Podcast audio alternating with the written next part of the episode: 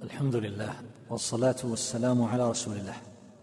أما بعد ففي هذه الليلة أتحدث عن الجزء الثالث مما وعدت بالحديث عنه فيما يتعلق بالمثل الأول في كتاب الله تبارك وتعالى. وهذا الجزء يتصل كما أسلفت ببعض اللطائف والملح التي ينتفع بها السامع بإذن الله جل جلاله.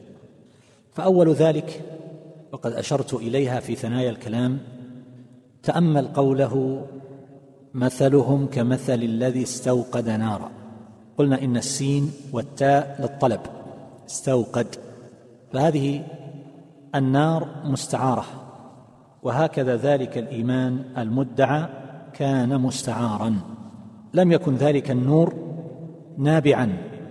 من دواخلهم من داخل نفوسهم وإنما كان مستعارا كان زيفا مكذوبا. الوقفة الثانية تأمل قوله تبارك وتعالى فلما أضاءت ما حوله فجعل هذا الضوء خارجا عنه أضاءت ما حوله منفصلا عنه ولهذا ذهب. لم يكن في داخله. لم تستضئ نفسه بذلك النور والضياء فتشرق نفسه. أضاءت ما حوله. فهذا الضوء كان مجاورا له لا ملابسا وكان عارضا. وأما الظلمة فكانت أصلية.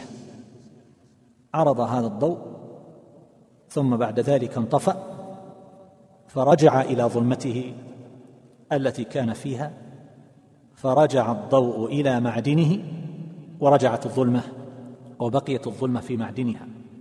فرجع كل منهما إلى أصله اللائق به. الوقفة الثالثة. تأمل كيف قال الله تبارك وتعالى ذهب الله بنورهم. وما قال ذهب الله بضوئهم. فلما أضاءت ما حوله ذهب الله بنورهم. ما قال بضوئهم؟ الضوء قدر زائد. قد يذهب ضوءهم ويبقى شيء من النور. فقال ذهب الله بنورهم. النور كله ذهب. فإذا ذهب كل النور لم يبقى شيء من الضوء. فزال عنهم. النور بالكلية وهذا أبلغ في النفي أن يقول ذهب الله بنورهم. أبلغ من أن يقال ذهب الله بضوئهم. فهؤلاء أهل ظلمات لا نور لهم أصلا. نسأل الله العافية. فقدوا النور. ثم أيضا الله تبارك وتعالى سمى كتابه نورا. ومن أسمائه عند بعض أهل العلم النور. على خلاف في هذا وكذا أيضا الصلاة نور الوحي نور الهداية نور. فإذا ذهب النور لم يبق لهم شيء من ذلك. ذهب الله بنورهم. فبقوا في الظلمات ظلمة الكفر والجهل والضلال. نسأل الله العافية. فتظلم النفس.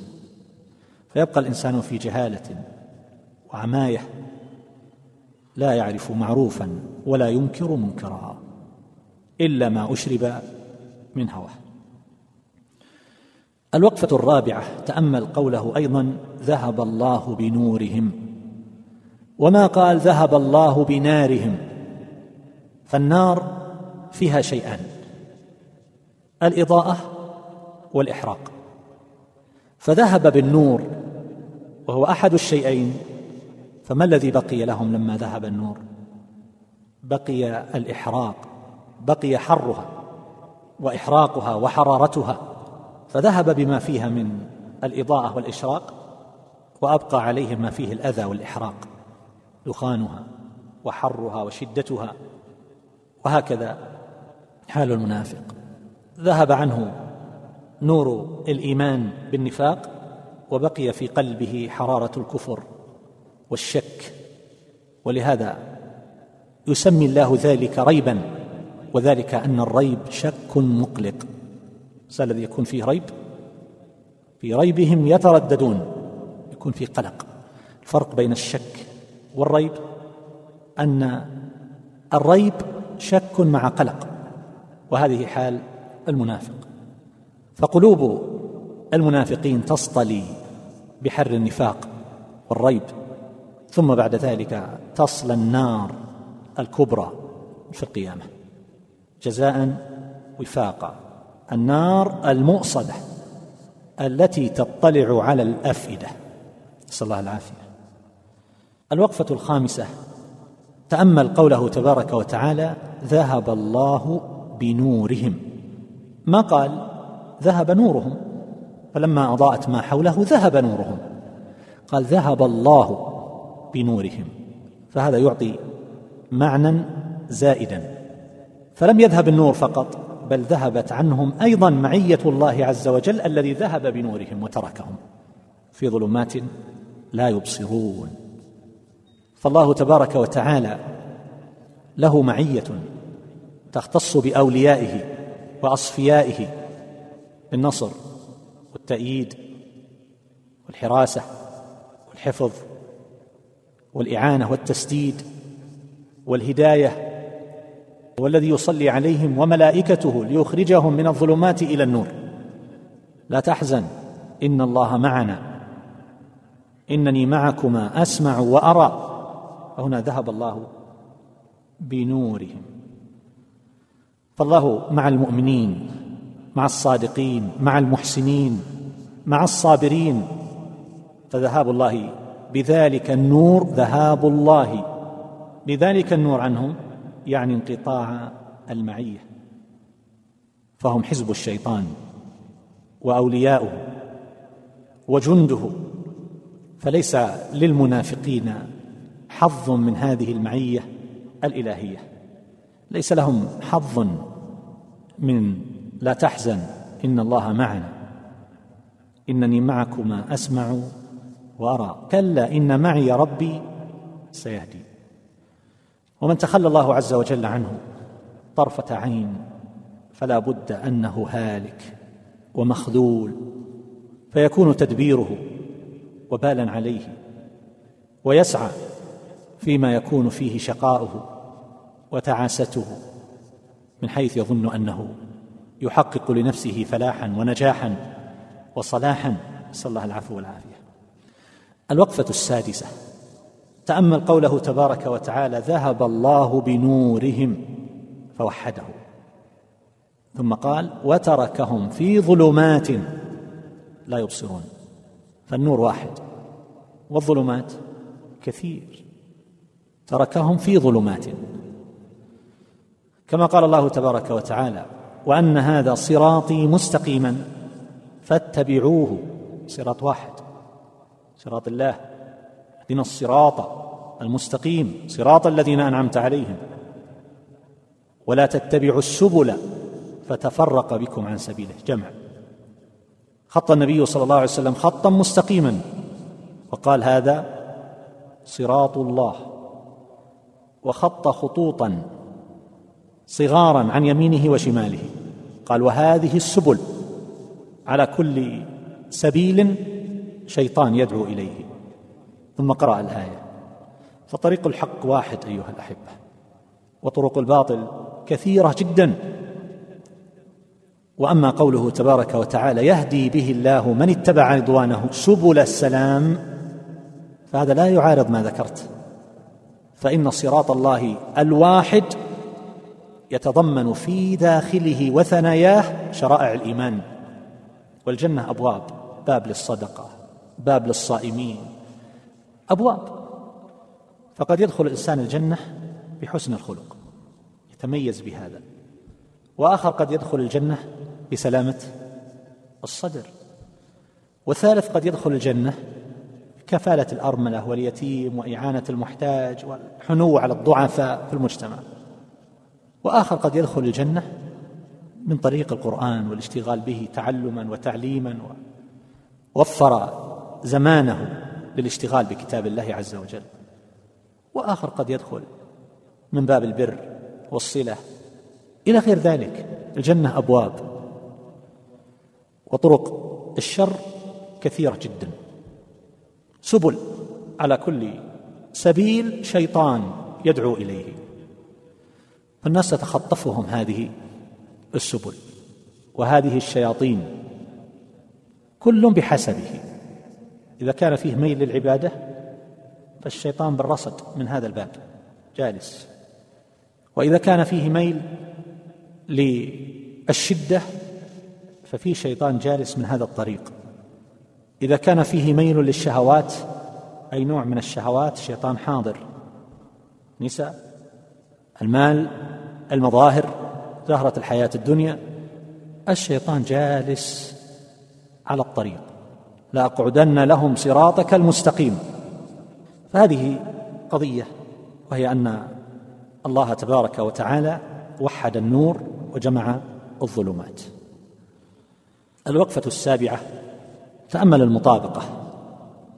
في هذا المثل مع ما ذكر قبله في قوله عنهم أولئك الذين اشتروا الضلالة بالهدى فما ربحت تجارتهم؟ وما كانوا مهتدين. في عملية اشتراء بيع. اشتروا الضلالة بالهدى. هنا كلام للمفسرين. ذكرته في أول تفسير سورة البقرة في الدرس الذي كان قبل سنوات بعد المغرب يوم الجمعة. اشتروا. هل كانوا يملكون الهداية أصلا؟ حتى نقول باعوا الهداية واشتروا مكانها. لا هي عملية الاستعاضة. يقال لها شراء. اشتروا الضلالة بالهدى فما ربحت تجارتهم وما كانوا مهتدين. هذه تجارة خاسرة. ارتضوا الضلالة ورفضوا الهداية. وهكذا أيضا حصلت لهم هذه الظلمات في مقابل النور الذي رفضوه. فكما أنهم اشتروا الضلالة بالهدى كذلك أيضا استعاضوا عن النور بالظلام. ذهب الله بنورهم وتركهم في ظلمات لا يبصرون. كما قيل بدلت بالجمة رأسا أزعرا وبالثنايا الواضحات الدردرة كما اشترى المسلم إذ تنصر. هذا استبدال واستعاضة خاسرة محققة من كل وجه. نسأل الله العافية من يقبل بالظلام بدلا من النور.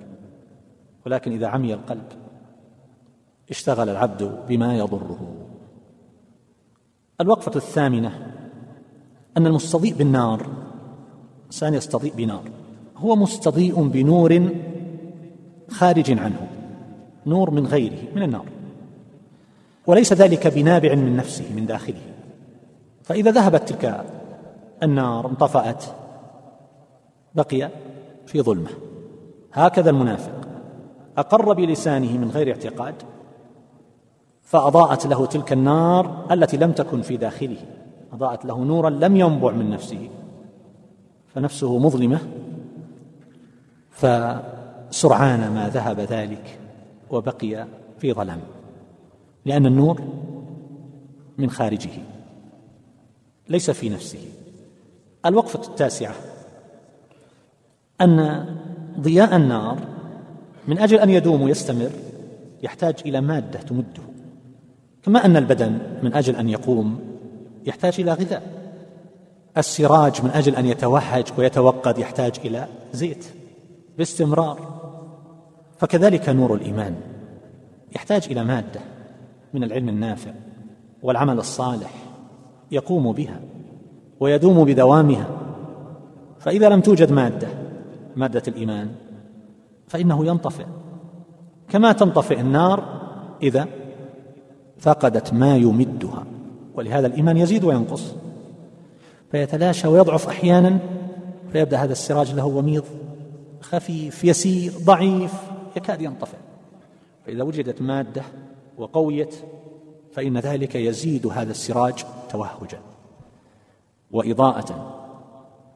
فنحن بحاجة أيها الأحبة إلى العلم الصحيح والعمل والموعظة وما إلى ذلك مما ينمي الإيمان كالكلام عن الله عز وجل وأسمائه وصفاته وعظمته وما شابه ذلك مما يقوى به الإيمان من الكلام على دلائل النبوة. هي من أعظم ما يحتاج إليه. تثبت اليقين بالنبوة والوحي. كما أن الإنسان بحاجة إلى ما يحفزه على العمل. مما يذكره بالجزاء جنة النار اليوم الآخر كذا فيرق قلبه ويقبل على العبادة وتطمئن نفسه وتزداد محبته لربه تبارك وتعالى وخوفه منه هذا الإيمان. ما هو الإيمان؟ قول وعمل يزيد بالطاعة وينقص بالمعصية. فلا بد من أن ننتبه لهذا. وإلا فتجد الإنسان حين يتلاشى يضعف يضعف يضعف. فإذا ابتعد ازداد ضعفه. فإذا انقطع من مجالس الذكر حصل له شيء من الجفاف فتخشبت نفسه. يحصل عنده التصحر. تموت الفسائل التي غرسها والأشجار. تشتقي دائم. مزرعة. ملاها بالغراس. ثم بعد ذلك أهملها من السقي. ما الذي يحصل لها؟ تبدأ تصفر تصفر تصفر. إن أدركها بقيت بإذن الله عز وجل. واستعادت حياتها. فإذا تركها وأهملها ماتت. تلاشت. الوقفة العاشرة. أن الظلمة نوعان. وقد أشرت إلى هذا في ثنايا الكلام على المثل. هناك ظلمة أصلية. وهذه يمكن أن نقول بأنها بمنزلة ظلمة الكفر. الكافر في الظلام الأصلي. وهناك ظلمة بعد النور وهذه ظلمة النفاق وهذه أشد من الظلمة الأصلية. ولهذا كان المنافق في الدرك الأسفل من النار. ولهذا الآن لو انطفأ هذا النور في المسجد. لا شك أن حالنا لن تكون كحال من دخل المسجد قبل أن يضاء. فرق أن تجد هذا. إذا كنت في غرفة في مكتبتك في مكان وأطفأت النور تبدأ تتلمس. لكن حينما تدخل لتضيء النور فأنت تبصر بعض الأشياء. فالكافر لم يخرج من الظلمات أصلا. وأما المنافق فقد استوقد نارا أضاءت له ما حوله ثم ذلك رجع إلى ظلمة فكان ذلك في حقه أشد. الوقفة الحادية عشرة. هذا المثل يشير إلى حالهم أيضا في الآخرة. ومعلوم أن الجزاء من جنس العمل. ولهذا فإنهم في الآخرة يعطون نورا ظاهرا كما كان نورهم في الدنيا ظاهرا. ثم يطفأ ذلك أحوج ما يكونون إليه. لا توجد مادة تحمله. أهل الإيمان يسعى نورهم بين أيديهم وبأيمانهم. وأما هؤلاء نسأل الله العافية ما عندهم أصلا المادة التي يحصل منها الإضاءة والنور. قلوب مظلمة ونفوس مظلمة وجوه مظلمة. إذا كان الإنسان بالمعصية يظلم وجهه أحيانا. على تفاوت في المعاصي وأنواعها وكثرتها. فكيف بالنفاق؟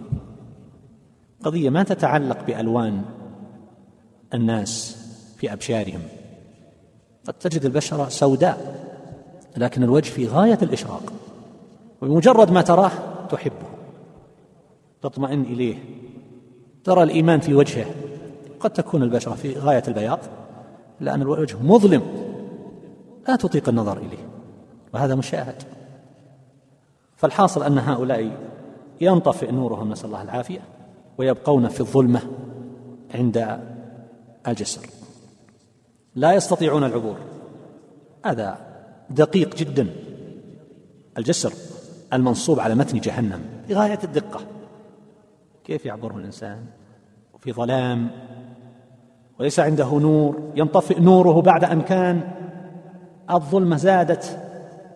الإنسان أيها الأحبة حينما يمشي في بيته وهو النور انطفأ يبدأ يخشى أن يسقط ويقع. فكيف إذا كان يمشي على الصراط؟ ينطفئ ذلك النور ثم بعد ذلك يريد أن يعبر الجسر؟ لا يمكن هذا. ذلك النور لم يكن له مادة من العمل الصالح والإيمان والعلم النافع. فعندئذ نسأل الله العافية يبقون في حال لا يحسدون عليها. تأمل الحديث الذي رواه الإمام مسلم في صحيحه في ذكر الورود على النار. يقول فيه النبي صلى الله عليه وسلم نجيء نحن يوم القيامة. وذكر صفة هذا المجيء على كذا وكذا يعني تل فوق الناس. قال فتدعى الأمم بأوثانها وما كانت تعبد الأول فالأول. ثم يأتينا ربنا تبارك وتعالى بعد ذلك فيقول من تنتظرون؟ فيقولون ننتظر ربنا. فيقول أنا ربكم. فيقولون حتى ننظر إليك. توثق تثبت حتى في الآخرة. فيتجلى لهم يضحك. قال فينطلق بهم فيتبعونه. لاحظ العبارة. ينطلق بهم. فيتبعونه ويعطى كل إنسان منهم منافق أو مؤمن نورا ثم يتبعونه. وعلى جسر جهنم كلاليب وحسك شوك قاسي صلب. تأخذ من شاء الله تعالى ثم يطفأ نور المنافقين. الآن يتبعون ربهم. ثم ينجو المؤمنون فتنجو أول زمرة وجوههم كالقمر ليلة البدر. نسأل الله من فضله سبعون ألفا لا يحاسبون الحديث. الشاهد أيها الأحبة لاحظ يعطون نورا فيتبعونه يتبعون ربهم. فالله يقول ذهب الله بنورهم فيبقون على جسر في ظلام ثم يتساقطون في النار. ففي مطابقة بين حالهم في الدنيا وهذا المثل ضربه لهم وبين الحال التي يكونون عليها في الآخرة. نور وظلام نور وظلام. دعوة كاذبة استفادوا منها مؤقتا ثم صاروا إلى حال سيئة. في الآخرة المخادعة التي كانت في الدنيا من هذا القبيل يحصل لهم عكس ذلك. فالله يستهزئ بهم فيعطيهم هذا النور ثم بعد ذلك إذا كانوا على الجسر حصل لهم الظلام وانطفأ ذلك النور. وهنا هذه الإضاءة وهذا النور ذهب الله بنورهم.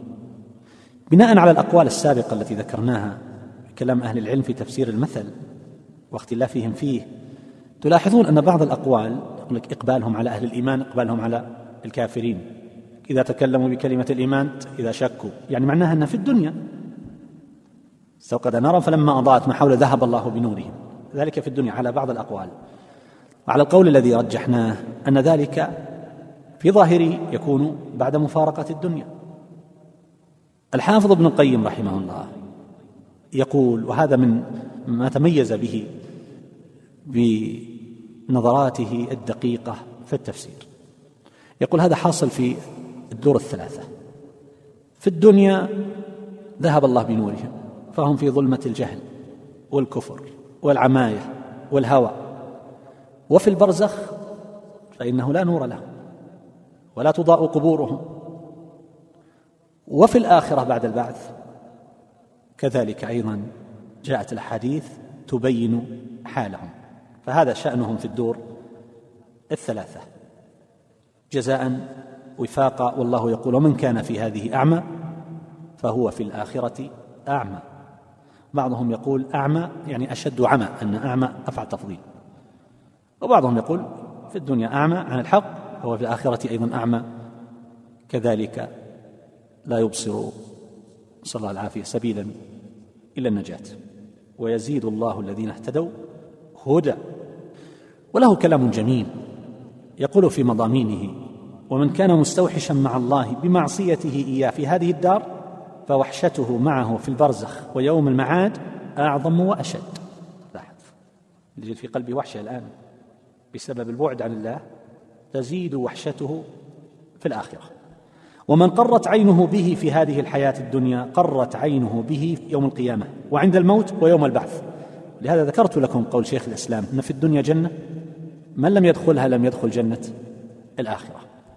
يقول ابن القيم فيموت العبد على ما عاش عليه ويبعث على ما مات عليه ويعود عليه عمله بعينه فينعم ظاهرا وباطنا فيورثه من الفرح والسرور واللذة والبهجة وقرة العين والنعيم وقوة القلب واستبشاره وحياته وانشراحه ما هو من أفضل النعيم وأجله وأطيبه وألذه.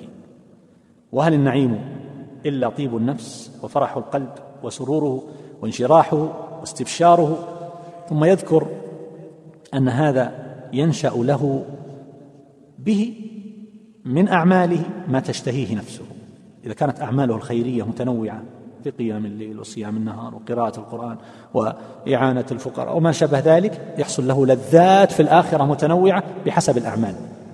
كما أن الكافر كلما ازداد إيغالا في الشر كلما زيد ذلك في عذابه وضوعف في ألمه. ما سلككم في سقر؟ قالوا لم نكن من المصلين ولم نكن نطعم المسكين إلى آخره. فالنار دركات. كما أن الجنة درجات. ولذلك يتفاوت أهل الجنة في لذاتهم ونعيمهم بحسب أعمالهم وإيمانهم فكل الأعمال المحبوبة أو المسخوطة تؤثر في الدنيا وفي الآخرة. المحبوبة تؤثر ألوان اللذات والسرور والانشراح في الدنيا وألوان النعيم في الآخرة. وهكذا الأعمال المسخوطة. فتتنوع آلام أهل النار وعقوباتهم. فليست لذة كل من ضرب في كل مرضاة لله بسهم وأخذ منها بنصيب كلذة من إنما سهمه ونصيبه في نوع واحد منها. هذا كلام ابن القيم. ولا ألم من ضرب في كل مساخط الله بنصيب كألم من ضرب بسهم واحد في مساخطه. ثم تستشهد بالحديث الذي رأى فيه النبي صلى الله عليه وسلم قنوا من حشف في المسجد. صدق رجل وضع قنو من حشف. تعرفون الحشف البسر الذي لم يصلح بسر إذا ما أبر أو ما قبل ذلك يخرج بصورة لا تأكله إلا البهائم. فجاء هذا الرجل وضع هذا الحشف في المسجد. فماذا قال النبي صلى الله عليه وسلم؟ إن صاحب هذا يأكل الحشف يوم القيامة. هذا تصدق الآن. فلما يتصدق مثلا بالأشياء التالفة والبالية في البيت؟ هذا كيف تكون لذته في الآخرة؟ والله يقول لن تنالوا البر حتى تنفقوا مما تحبون. فجوزي هذا بصدقة الحشف بأكل الحشف في الآخرة. فكيف بالذي يعمل المعاصي والذنوب والجرائم والكبائر وما شابه ذلك؟ نسأل الله تبارك وتعالى أن يعيننا وإياكم على ذكره وشكره وحسن عبادته. اللهم ارحم موتانا واشف مرضانا وعاف مبتلانا واجعل آخرتنا خيرا من دنيانا. وصلى الله على نبينا محمد وآله وصحبه.